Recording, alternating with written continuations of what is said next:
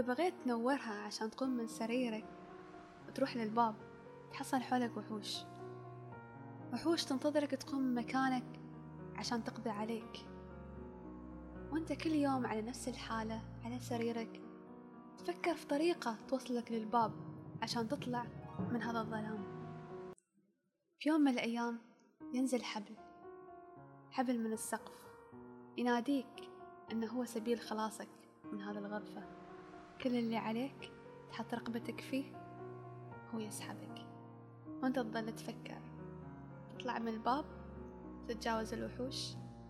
أم أنك تستعين بالحبل أهلا وسهلا بكم أعزائنا مستمعين بودكاست مجهر. أنا شهد البلوشي وعينتنا لليوم مثل ما عودناكم في حلقاتنا السابقة أن نناقش فيها مواضيع شيقة وملفتة. عينتنا اليوم تتكلم عن شيء جدا متغافل عنه من قبل المجتمع. تتكلم عن الصحة النفسية. وعشان عشان نناقش هذا العينة استضفنا اليوم الأستاذ محمد اللواتي الأخصائي النفسي. أهلا وسهلا أستاذ. أهلا بك أستاذ أستاذ قبل لا ندخل في الموضوع الصحة النفسية وكذا نبغى نعرف كيف أنت صرت من محمد اللواتي إلى الأخصائي النفسي محمد اللواتي؟ أوكي هي قصة طويلة. حكيتها قبل ما أعرف إذا بتفصيل ولا لأ بس باختصار آه ما كنت دائما أريد أكون اختصاصي صحة نفسية آه ممكن كنت أريد أكون طبيب هذا اللي اتذكر في الإعدادية سألوني كنت أدرس في مدرسة عزاب بن قيس آه، سنتين وهناك سالونا إنه إيش تحب تصير لما تكبر؟ قلت لهم شيء أساعد الناس فيه طبيب مثلا لما تكون صغير مساعدة الناس دائما الصورة النمطية هو الطبيب ف بالضبط. أنا كنت نفس الشيء بعد. ف آه، دارت الدنيا دارت الأيام. هذا الإنسان المسكين البريء اللي كان يريد يصير طبيب دخل في عالم مظلم مخيف جدا. في سنة من السنوات آه، صرت إنسان من المشاكل والغرابات وهالأشياء وكذا. بعدين دخلت في المخدرات آه، بارتينج كحول وهالأشياء. كانت حياة يعني سيئة جدا مظلمة. لكن الحمد لله بفضل الله آه، حصلت فرصة ثانية للحياة لأنه صارت الأمور سيئة جدا في عمر صغير. يعني تخيلي عمري 20 سنة أنت عمركم أغلبكم 20 الحين صح؟ آه 18 18 بعد أصغر. أنا كان عمري 20 وكنت في مصحة أتعالج من الإدمان في الهند. فهذه ما كانت آه، بداية الحياة اللي أي إنسان في العشرينات يريدها. فمراهقتي والبلوغ المبكر أو مرحلة العشرينات كانت ما طبيعية بالنسبة لي أنا. في الهند لما كنت هناك بعد ما خلصت العلاج كان في فترة تطوع عمل تطوعي لأنه صار في كثير عمانيين يجيوا كان يحتاج أحد يترجم. وأنا أتكلم ثلاث لغات آه، عربي إنجليزي هندي فكان سهل بالنسبة لي. في يوم من الأيام كنت جالس وقريت كتاب عن علم النفس مع أحد الأطباء وبدأ الشغف من هناك حسيت إنه أوكي this is something I can do. أنا أساعد الناس وأنا أحب أسمع قصص. فلما طبيعة عمل الأخصائي النفسي ان تسمع قصص طول الوقت. أغلب شغلنا في الجلسات أو نص شغلنا هو الاستماع والنص الثاني العلاج. فهذه كانت نقطة البداية والقصة اللي قبل ترى هذا اختصار يعني نحتاج سالفة بروحها هذه. حلو بس كيف كان ردة فعل أهلك لما أنت بغيت تخطي هذا الخطوة؟ كيف كان يعني؟ اللي هي دروس علم النفس؟ أيوة. أوكي. آه طبعا في البداية ما كان في تشجيع بس شوفي أنا الوالد والوالدة من أكثر الناس المسالمين اللي أنا أعرفهم في الحياة. الحمد لله. أوكي فانا لما طلعت من المصحة كنت أريد أرجع عمان وأشتغل. كنت أريد أدخل في مجال عقارات كنت أريد أشتغل في أي شيء بس أريد أعمل فلوس وما اكون تحت رحمة أي شخص. لأن أنا جزء كبير من مشكلتي قبل كانت إنه أنا ما أحب حد يتحكم فيا باختصار ومن الآخر يعني. تحب تكون مسؤول عن نفسك أيوة يعني. أنا بسوي فلوس والحين ترى ما أريد أسوي شيء غلط لأن الحمد لله رحت عالجت وكل شيء. بس أريد أسافر أروح أجي أسوي. أريد أروح بدون ما حد يقول لي لا. آه، استقلال المادي طبعا هو دائما السبيل لهذا الشيء يعني. طبعاً. ف الوالده الله يحفظها. آه، الوالد مسكين ترى هو في النهاية دائما يقول لي اي شيء اللي يناسبك سوي بس باختصار يعني. لما الوالدة كانت تتناقش معي. قلت لها شوفي ما أنا بصراحة بقول لك أنا درست قبل تجارة IT إعلام. أنا أحب الإعلام كثير. هو الشيء الوحيد اللي أنا حبيته بس بسبب الإدمان ما قدرت أكمله يعني. كنت أدرس في كلية البيان أتذكر وكانت كنت أدرس creative writing برجع لل writing بعد شوية في قصه كنت جيراننا يعني. أيوه بس هذيك الأيام كان في الإعلام قديم مدينة الإعلام. آه، في الفيلا كذا كانت و كان زمان يعني هذا الكلام. فكنت أروح الاختبارات وأنا عندي أعراض انسحابية من الهيروين، الهيروين هو من أكثر المخدرات صعوبة أنك أنت تبطله أو توقفه يعني، فكنت أروح الامتحانات وأجيب درجات مرتفعة وأنا أعاني من آلام وأعراض انسحابية. يعني مكيف المكيف مال صالة الاختبار تضرب يضربني وأنا أحس بالألم مفاصلي تعورني.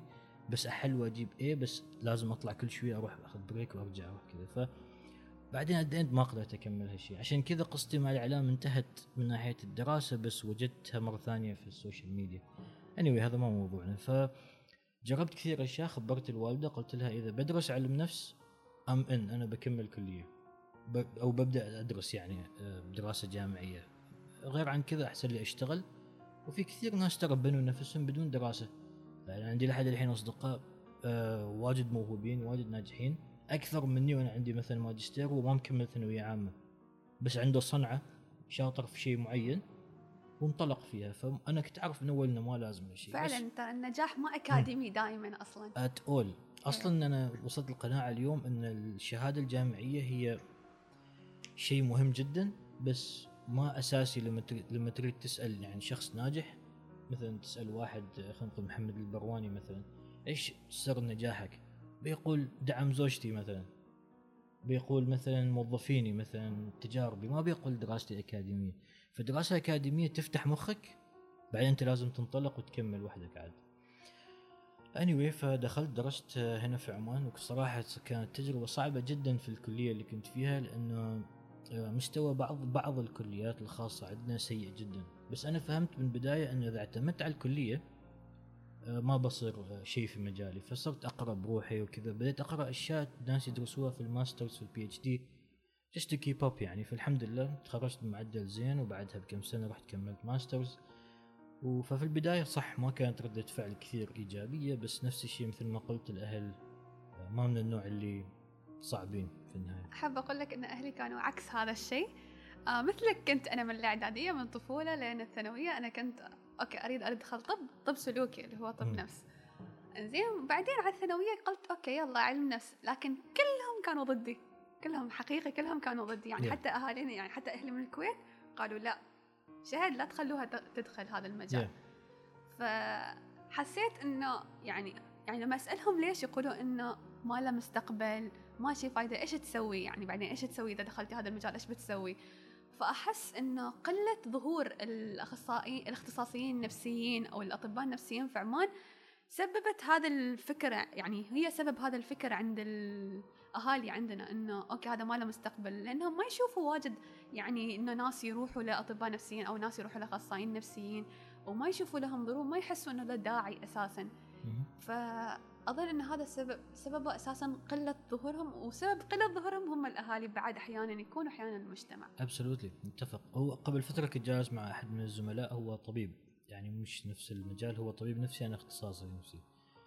فهو إنسان كثير طيب من أفضل الناس اللي أحب أجلس معاهم. بس في اختلاف وجهة نظر كان إنه يقول لي ال social media ترى شيء متعب و يعني take it easy وكذا. فطبعا اي take it easy هذه السنة أكثر من السنوات الماضية بس in general كانت فكرتي حاله إنه نحن بسبب إنه في تقصير من الأطباء والمختصين العمانيين في ال social media وفي الخليج قبل نفس المشكلة كانت في ناس ثانيين من مجالات ثانية دخلوا وجلسوا يتفلسفوا في هذه الأمور وينشروا معلومات غير صحيحة. فصار في gap كبير ولازم نحن نغطي هذا ال gap ما في مفر من ال social media اليوم. أنت لازم يكون عندك content ما لازم تظهر حتى صورة. أوكي ممكن تحط مواضيع كتابية بس you need to reach يعني to people ما يصير بدون هالشيء. كان في تقصير أكيد في المجال. إيوه. وأيضا بخصوص آه، موضوعنا مثل ما تكلمنا قبل إنه الأهالي أساسا هم ضد إنه ندخل هذا التخصص بعض الأهالي.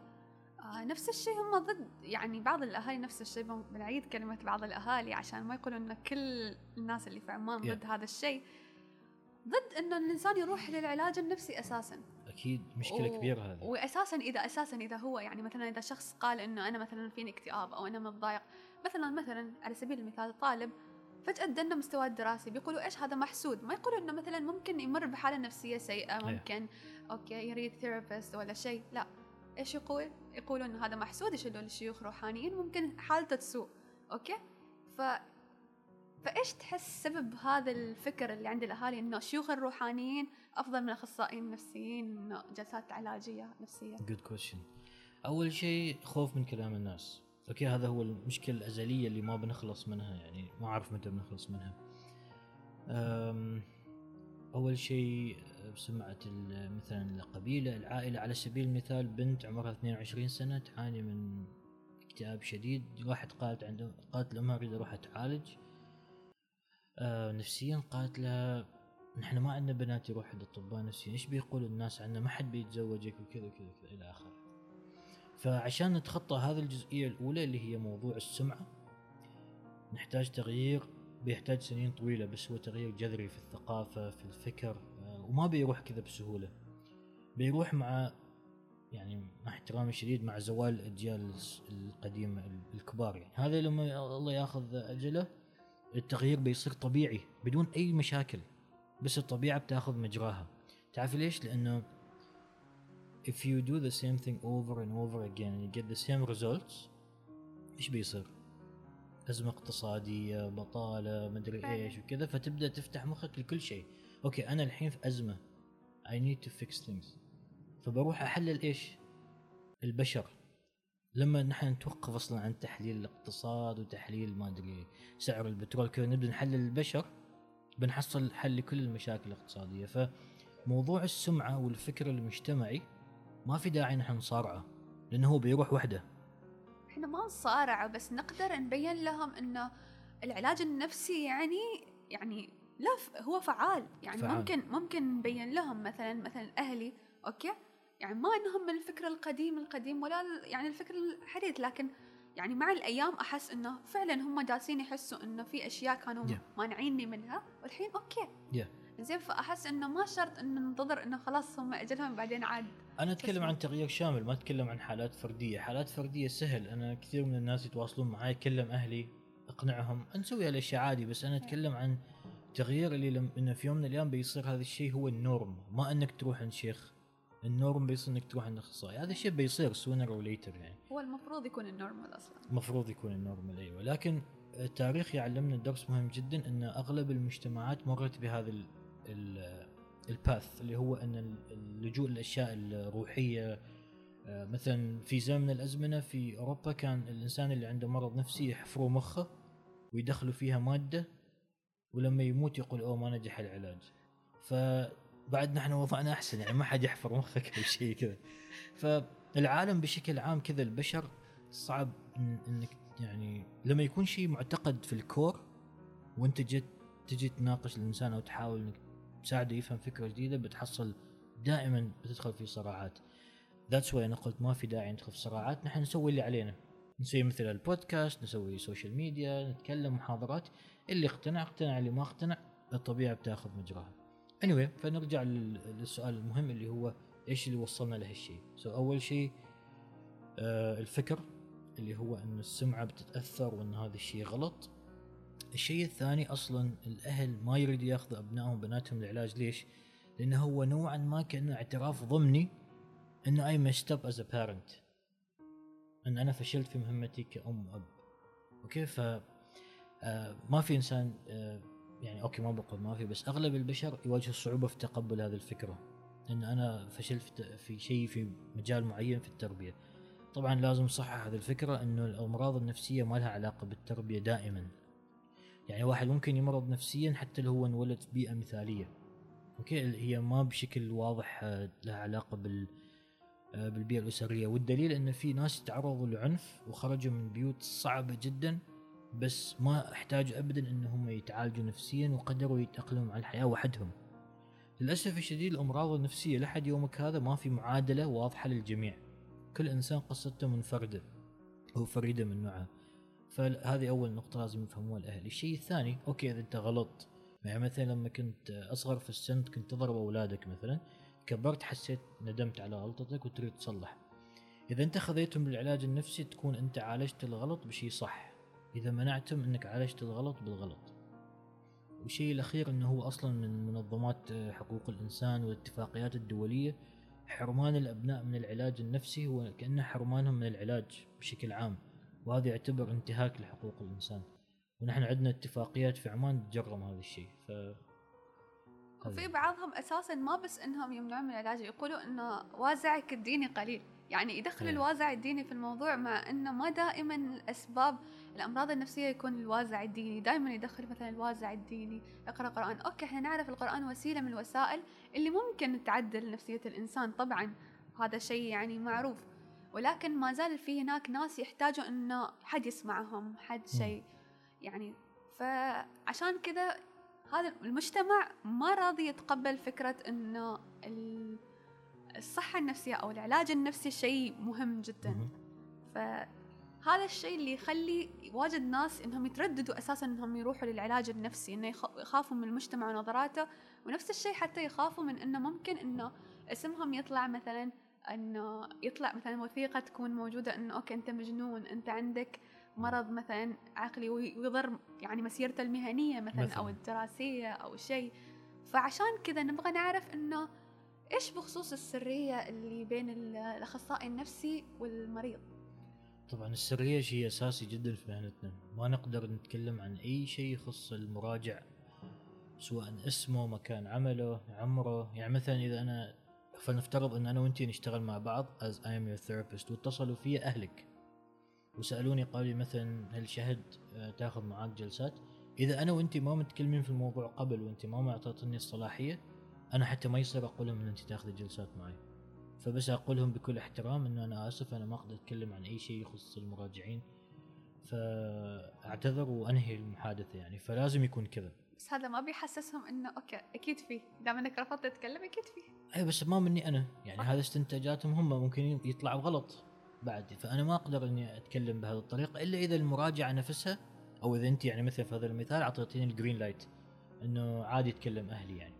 فطبعا أنا أتكلم عن البالغين لأن اللي 18 وأصغر أنا ما أشتغل معاهم فهذول النظام مختلف. لازم يكون الأهل involved إذا كان إذا كان في هذا الشيء يعني متاح إذا كان هذا الشيء متاح. ف آه، بالنسبة للسرية هو شيء أساسي في العلاج النفسي وهو أحد الأسباب اللي تخلي الناس آه، مثلا تختار هذا الأخصائي تروح عنده ولا ما تروح عنده. أوكي؟ فسمعتك أنت يعني مثلا أخصائي بكامل القوى العقلية يعني صراحة ما في شيء يعرف هذا الشيء إنه إذا هو تكلم وبدأ أسرار الناس تطلع وخصوصياتهم خلاص ما حد بيجي عندك لأنه فما استفد شيء. okay؟ فأي أخصائي يعني منطقي يعرف إنه لازم يحترم عشان عشان مسيرته المهنية وعشان صحة الإنسان فعلا في أساسا أخصائيين نفسيين يعني يضمنوا قصص مرضاهم من خلال كتبهم مثلا أو حتى يعني حساباتهم أو حتى مدوناتهم يعني. يعني ففي واجد يعني هذا الشيء يعتبر إنه ضد السرية اللي للأخصائيين النفسيين. أكيد. فكيف تحس إنه كيف الإنسان يعرف إنه okay هذا الأخصائي النفسي ممكن إنه يحافظ على سري لأنه مثل ما قلت لك ظهور الأخصائيين النفسيين أو يعني أي شيء عنهم ما معروف في مجتمعاتنا. ف... يا هذه مشكلة كبيرة. آه في في أطباء وأخصائيين يأخذوا موافقات من مرضاهم. عشان يسووا كتاب مثلا كل قصة ياخذوا اجريمنت مثلا من صاحب القصة إنه ما عنده مانع. فهذيلا ماشيين صح ما عليهم أي كلام. بس إذا جاء إنسان كتب قصة فيها واضحة تفاصيلها بتكشف هوية الشخص فالمراجع يقدر يقاضي الطبيب يروح المحكمة يعني. لأنه في ميثاق هذا يعني اثكس إن أنت ما تقدر تسوي هالشيء يعني في شيء قانوني شيء المفروض شيء. المفروض إن أنت لما تروح تعمل مراجعة مع مختص في عيادة يكون في وثيقة توقع عليها. أه تحمي خصوصيتك وسريتك. يكون من ضمنها في كلام إنه نحن أنا أنا ملزم كأخصائي بما معناه يعني أنا ملزم ان أحافظ على خصوصيتك إلا في حالات مثلا إذا أنت حتأذي نفسك أو تأذي شخص آخر. يعني مثلا شخص يفكر إنه ينتحر لا سمح الله أو إنه يرتكب جريمة قتل مثلا أو يأذي شخص. هنا لازم تكسر أنت السرية. ويكون واضح في الورقة وإذا الشخص ما يريد يوقعها خلاص. ياخذ فلوسه ويرجع ما يكنسل الموعد يعني. بس هذه طبعا ما صارت قبل. كل الأشخاص اللي نشت... أنا شخصيا ما صارت معي. ما في حد اعترض على هذا الشيء يعني. أم، في شيء ثاني أيضا أنا ما أعرف إذا هو يعني شيء أقدر أقوله ويمكن يزعل بعض ال- الكت- الكتاب اللي كتبوا هذا الشيء بس عادي خذ راحتك. بس ليش ليش يعني إيش الفائده؟ أنت ممكن تألف قصة خيالية هي مزيج من تفاصيل حقيقية بطريقة حلوة creative ما حد يعرف هذا مين. أيوه. وتفيد الناس. آه لكن ما نتكلم عن الناس اللي ماخذين موافقات. اللي ماخذين موافقات آه، ما included بس اللي ما ماخذ موافقات ويروح ينشر قصص الناس. آه أنت تنفر الناس من العلاج. لأنك تخوفهم. يعني بكرة أنا أفكر إن أنت بتنشر قصتي ف إيش اللي وأنا هارب؟ من أهلي عشان هم ما يعرفوا من أصدقائي وأنت رايح تنشر قصتي مثلا مثلا مثلا يعني هذه ظروف كل واحد وظروف عاد إيه. أيضا في مشكلة ثانية أنت تكلمتي عن هالموضوع أنا ما لها علاقة ابدا بس أنا حاب إني يعني اعقد. السالفة لاحظت ظاهرة هي إنه في كثير من الناس ينشروا قصصهم في صفحات مال fashionistas makeup artist photographers اكسترا وهذول يعطوهم بعد نصائح يعني هم مختصين خلي خلي مختص يا عصام أنت شوف النصايح. النصايح هذه جريمة. أوكي أنا أقول لك إياها من الآخر. أول شيء الشخص اللي يرسل مواضيعه في مثل هذه الصفحات هو غلطان. بس ما بنلومه كثير لأنه يمكن هو حالته صعبة ويتمسك بقشة. بس لازم وعي وعينا يكون أكبر من كذا. come on يعني تروح عند مصور عند makeup artist عشان تاخذ علاج نفسي أو يعني استشارات نفسية؟ That doesn't make sense. أنا درست سبع سنوات ست سنوات خذيت آه، قرض عشان أكمل ماجستير ما عشان آخر شيء makeup artist اخذ شغلي يعني. وأنا ما أروح أسوي ميك اب حال الناس صح؟ صح. أيوه فأنا ما سرقت شغلها إذا تبغى عادي تسوي. لا ما أعرف ما شغلتي يعني ما جربت. ف وحتى ال photographers هو شاطر في التصوير. زين ليش؟ أنا ما أنا وأنا في حياتي ما قلت حد حد تعال بنسوي بسوي لك photoshoot لأن أنا ما أعرف أمسك الكاميرا يدي تنفض تنفض. فأنا أعرف حدودي أعرف آه، ضميري ف مثل هذه الصفحات مضرة. وليش أنا ذكرت الموضوع؟ لأن نحن دائما تحت المجهر. أنا كأخصائي نفسي أي شيء أنزله الناس تراقبني وتشوف علي الغلطة وكذا. بس ما تسمع حد يروح يركز على هذيل الناس اللي هم جالسين يسووا غلطة أكبر. هم يعتبروا influencer بعد. أيوه ف they are really messing it up. فحال حال الناس يعني في مرة من المرات حد سوالي share في الإنستغرام نصيحة واحدة من هذول يعني ما أعرف whatever you wanna call them fashionistas whatever تعطي واحدة نصيحة. النصيحة أقل ما ممكن تقول عنها إنها مدمرة لصحتها النفسية. ف بس بغيت استغل هذه النقطة عشان أذكر الموضوع وأذكر شيء أخير اللي هو إنه المشاكل النفسية ما في حالها حلول في حالها علاج. الحل هو فكرة لازم نستغنى عنها إنك أنت تروح عند حد تقول له مشكلتك يعطيك حبة سحرية وتصير زين. It doesn't work like that. إذا أنت عندك اكتئاب تروح عند مختص ممكن تأخذ حبوب بس هي بتكون داعم وعلاج بس ما كل العلاج. باختصار اللي أريد أوصله إن الأمراض النفسية أو الاضطرابات النفسية علاجها رحلة مستمرة. فحتى مثلا لما حد يرسل لي يقول لي أعطيني حل أنا عندي قلق. إيش إيش إيش إيش أقدر أقول لك حل؟ يشيل اضطراب ملعوز ملايين من الناس حول العالم. it's not that easy يعني. بس إذا سويت علاج مع الشخص الصح خلال كم شهر ممكن تسترجع جزء كبير من حياتك وصحتك. وبخصوص اللي أنت تكلمت عنه إن الفاشينيستا يعني تتكلم وتعطي نصايح وكذا ترى غالبا يكونوا الأشخاص بس ما عندهم سالفة بس يجوا يقولوا قصص غير حقيقية وتم آه، كشفهم. واجد ناس يقولوا قصص غير حقيقية بس عشان إنه يطلعوا عند الفاشينيستا وكذا. ناس sad آه فخلينا من هذا. نتكلم عن الأخصائيين النفسيين مع احترامي لهم كلهم ال- اللي يستغلوا المرضى عشان المادة. عشان المادة. قصدك مثلا إن أسعارهم غالية مال الجلسات؟ أيوه وبعد انه يعني ما يستفيدوا منهم. امم okay. good question good هذه مشكلة كبيرة. هذه مشكلة كبيرة في مجالنا وفي مجالات كثيرة بس ما بنركز على علم النفس. أول شيء عشان تشتغل كأخصائي نفسي حسب المعايير الدولية لازم يكون عندك على الأقل ماجستير أو higher يعني شيء يسموه postgraduate diploma اللي هو شوية أقل من الماجستير. أول شيء نحن عندنا كثير من الناس تمارس ببكالوريوس وهذه وحدها مشكلة كبيرة.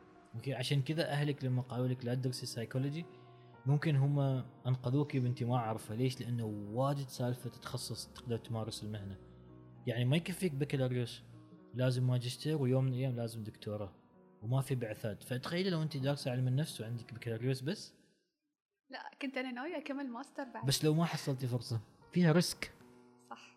واجد ناس جالسين في البيت بكالوريوس علم النفس الحين. شيء. واجد جالسين في البيت. فما تعرف يمكن في من الفائده هذا القرار. المهم دخلت ما. نريد نزعلك الحين. فاول شيء هاي الغلطة الأولى. الشيء الثاني حتى ناس فلنفترض إن الشخص دارس هذا ما يكفي. لازم تتخصص في نظريات علاجية. لأنه واحدة من الأشياء ال- ال- اللي يسمعوها أو يقولوا الناس عن الجلسات النفسية feedback مالهم إنه أنا أروح بس أتكلم ما أحصل شيء في المقابل. فعلا هذه كانت فكرتي ترى. okay ممتاز. هذه بسبب أن الأخصائي ما متخصص في نظرية علاجية أو نظريات علاجية معينة. فعلى سبيل المثال أفضل علاج للاكتئاب هو العلاج المعرفي السلوكي. في علاج ثاني للقلق اسمه العلاج بالتقبل والالتزام.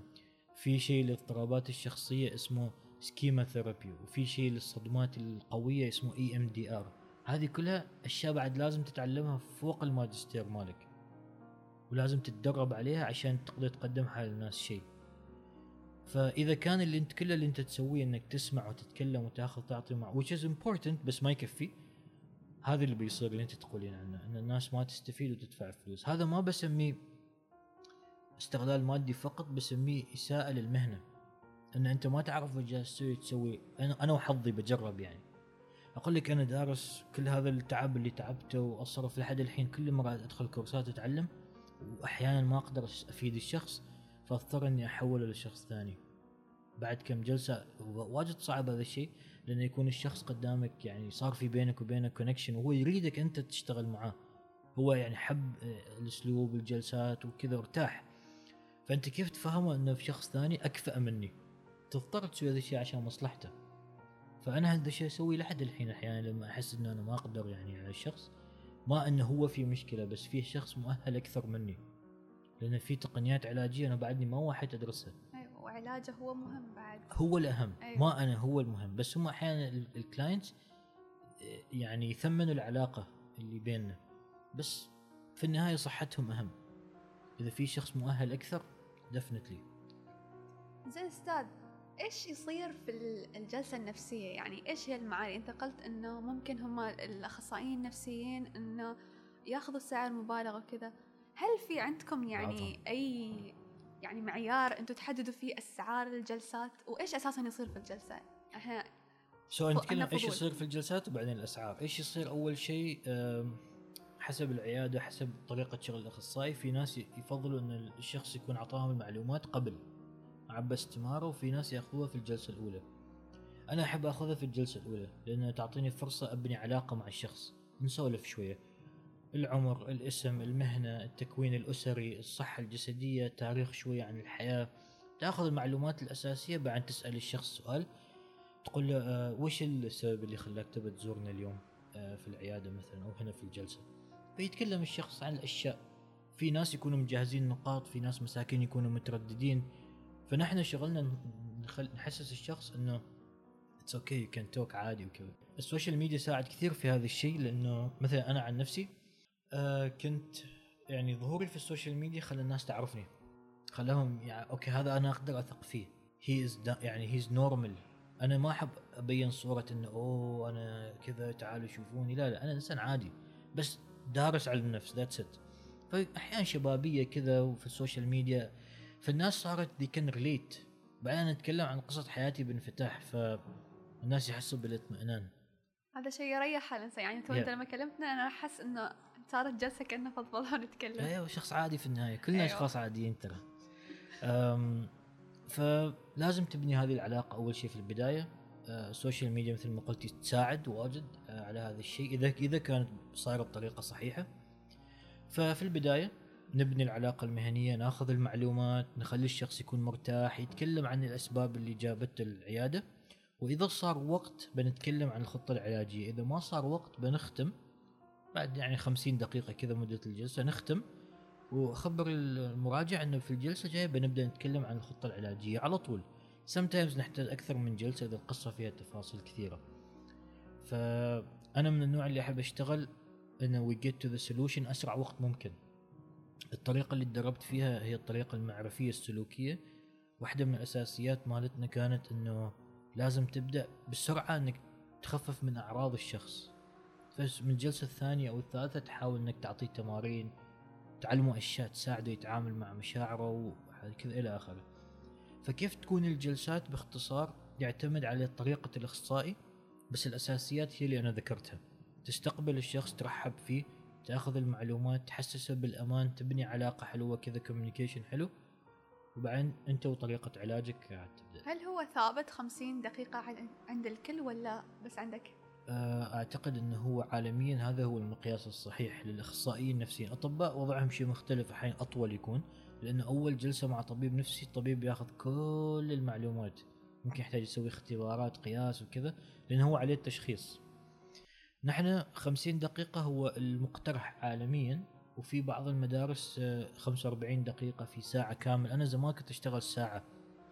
آه، بس آه، بعد مرور السنين اكتشفت the best period of time هو 50 دقيقة للشخص.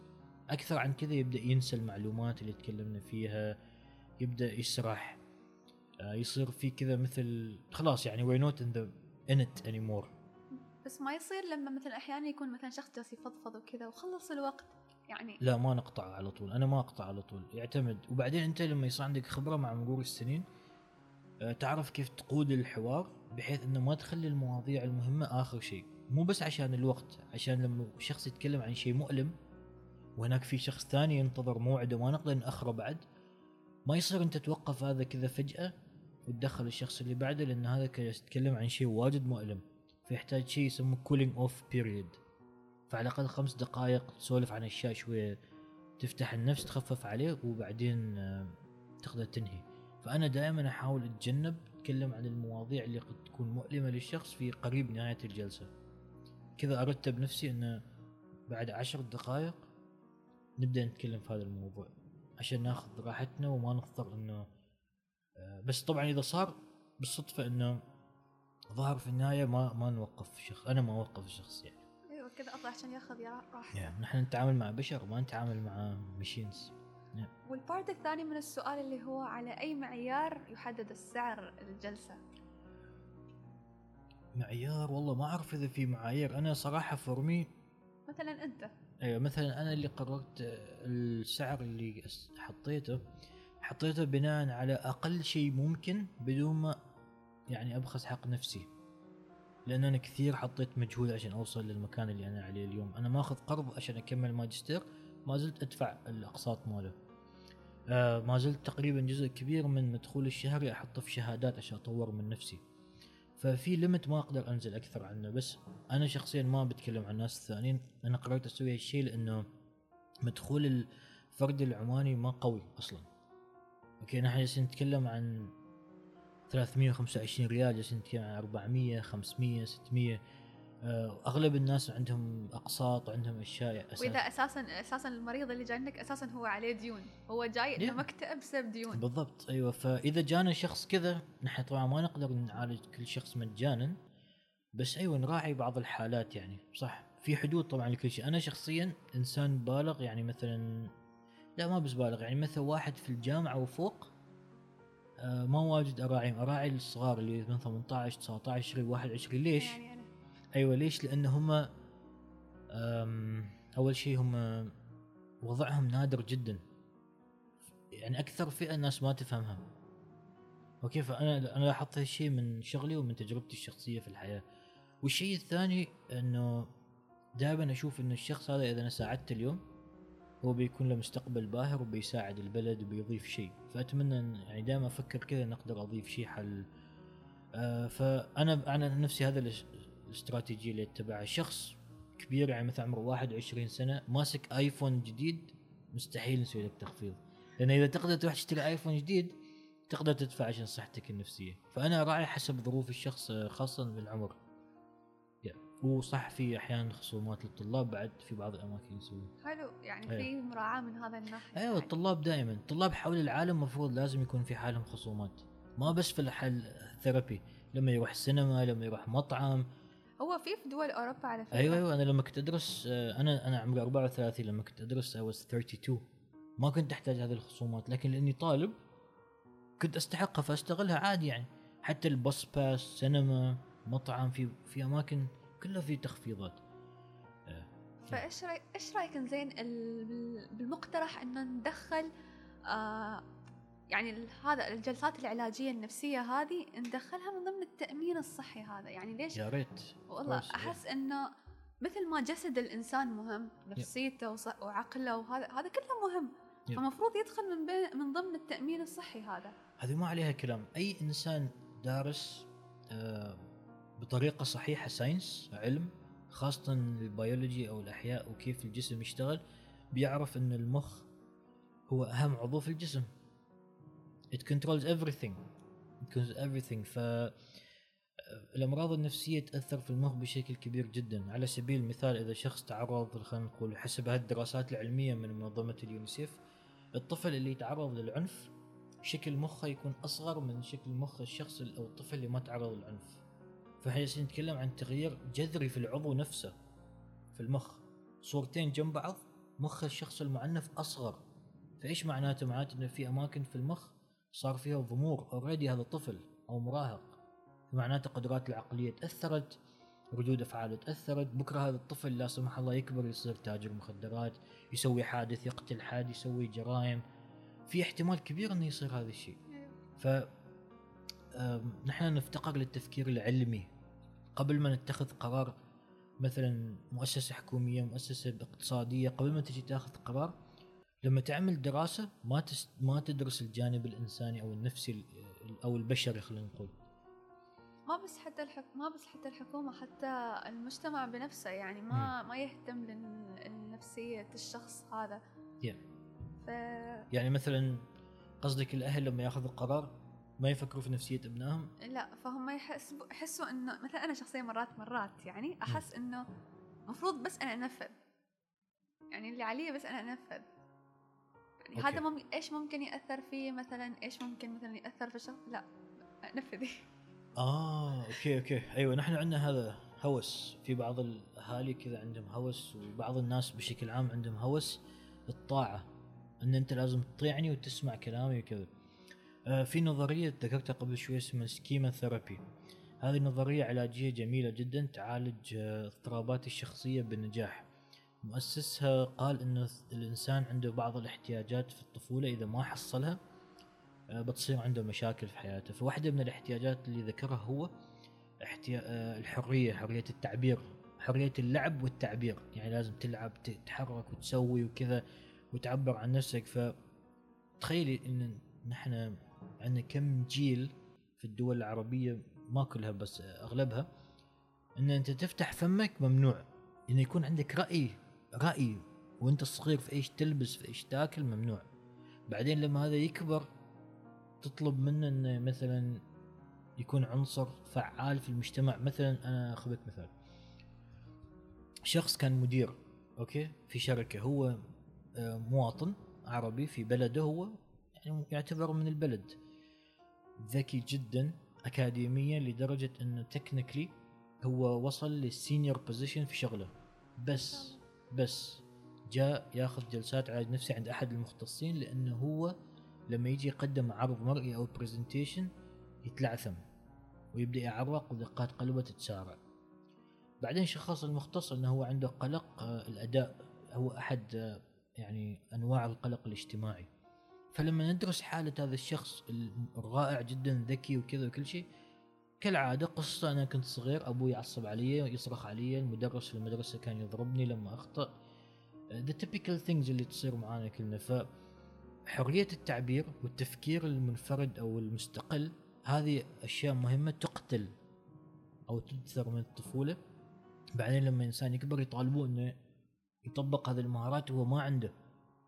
ممكن سبب ضعف في الشخصية أساسا بعدين ترى. هذا اللي يصير شخصية الإنسان تتأثر واجد لما هو يعني هذا الحين ما شاء الله عبقري في شغله و top position بس ثقته في نفسه ما ما أو ثقة مهزوزة أهم ليش؟ لأنه هو ما قادر يسوي شيء basic اللي هو يقود اجتماع كونفرنس كول بس هو في شغله توب حتى الأجانب اللي في الشركة ما يجيبوه يعني اللي يجيبوه من برا يدفعوا لهم رواتب كثير.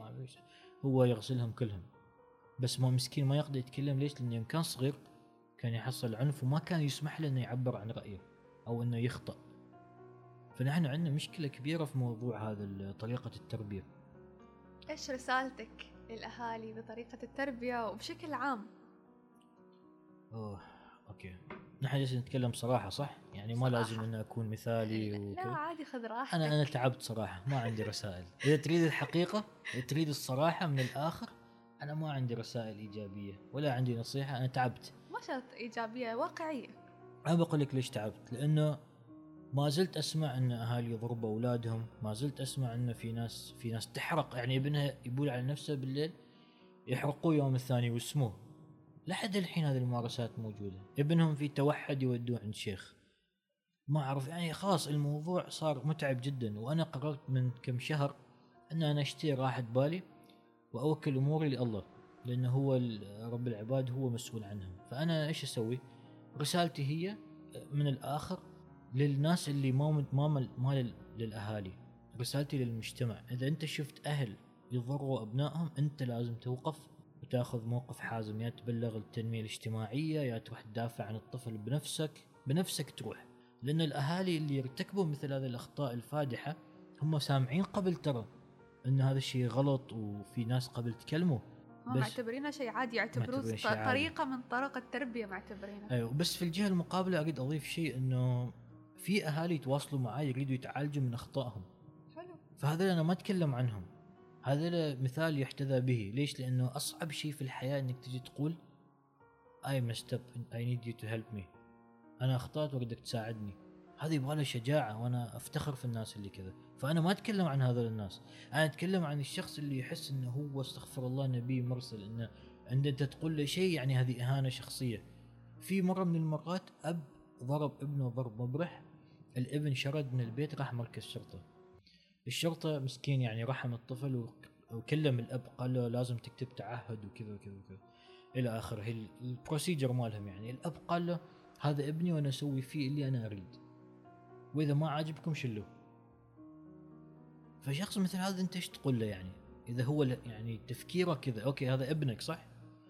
بس وين مكتوب في أي دين في أي علم في أي قاموس في أي كتاب انه ابنك ملكك ملكية عاملة؟ يا أخي نحن حتى الحيوان ما لنا حق أساسا نسوي فيه كذا اشياء شيء. أيوه. فحتى عندنا أحاديث في الدين تقولنا عن رحمة ورأفة بالحيوانات وناس صارت في بعض الدول تدافع عن الطبيعة النباتات الأشجار.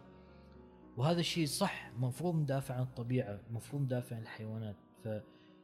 كيف بس- لو إنسان؟ فالانسان اكزاكتلي وهذا أساسا يأثر في الشخص أنا. صراحة ما- ما لي بارض هذول الناس. يعني أنا لما أسمع مثل هذه القصص على طول نشوف الحل القانوني. على طول. بدون يمين يسار. على طول أنا دائما أتكلم مع محامين مع مختصين أسألهم أقول لهم إذا صار واحد اثنين ثلاثة أنتم كيف تقدروا تتدخلوا؟ زمان كنت أفكر أقول خلينا نروح نكلم الأهل المساكين. هم جايين من ظروف صعبة حياتهم قبل كانت قاسية ما يقصدون. بس اكتشفت إن هذه الطيبة أو هذا التسامح يسبب في استمرار العنف والمشاكل التربوية. فنحن لازم نعمل رادع بحيث إن الناس تفكر 100 مرة قبل ما تأذي مخلوق ضعيف مثل الطفل. آه، وما بس طفل حتى المراهق أي إنسان to be honest أي إنسان حتى أيوه ما حد أيوة، يستحق إنه يعنف أساسا. بالضبط. زين أستاذ إيه سألتك مثلا كأنا مثلا كيف. أقدر أعرف إنه okay أنا أري أنا أحتاج إني أروح لأخصائي نفسي؟ كيف أق... يعني متى لأي مرحله في أي مرحلة أقول أوكي أنا بروح آه لطب... لأخصائي نفسي أو طبيب نفسي؟ جودة الحياة. إذا تأثرت جودة الحياة. آه، مثلا ما تستمتعين بالأنشطة اللي كنت تستمتعين فيها قبل؟ تحسي بفراغ تحسي بوحدة؟ آه، النوم تأثر الأكل تأثر العلاقات تأثرت؟ فأي شيء يجي تحت نطاق تأثر جودة الحياة؟ شيء ثاني عدم الاستطاعة مع التع... التعامل مع ضغوطات الحياة بشكل طبيعي.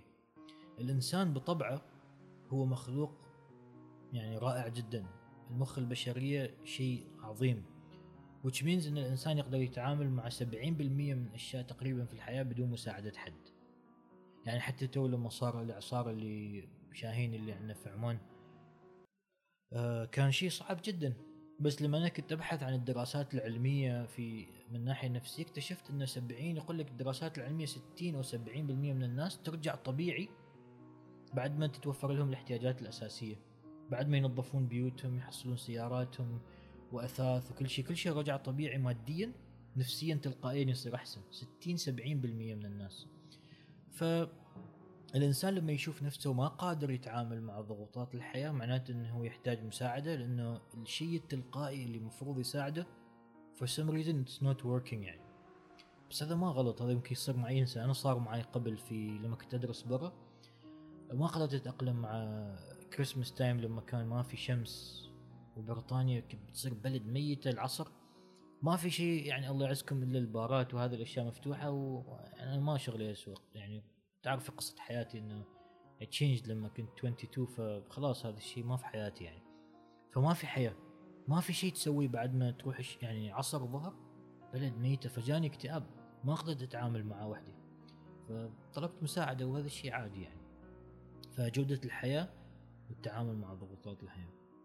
شكرا أستاذ وصلنا لختام حلقتنا. شكرا جزيلا العفو. لك على وجودك معانا وإنك آه لبيت ندائنا وجيت وخذينا وقت راحتك.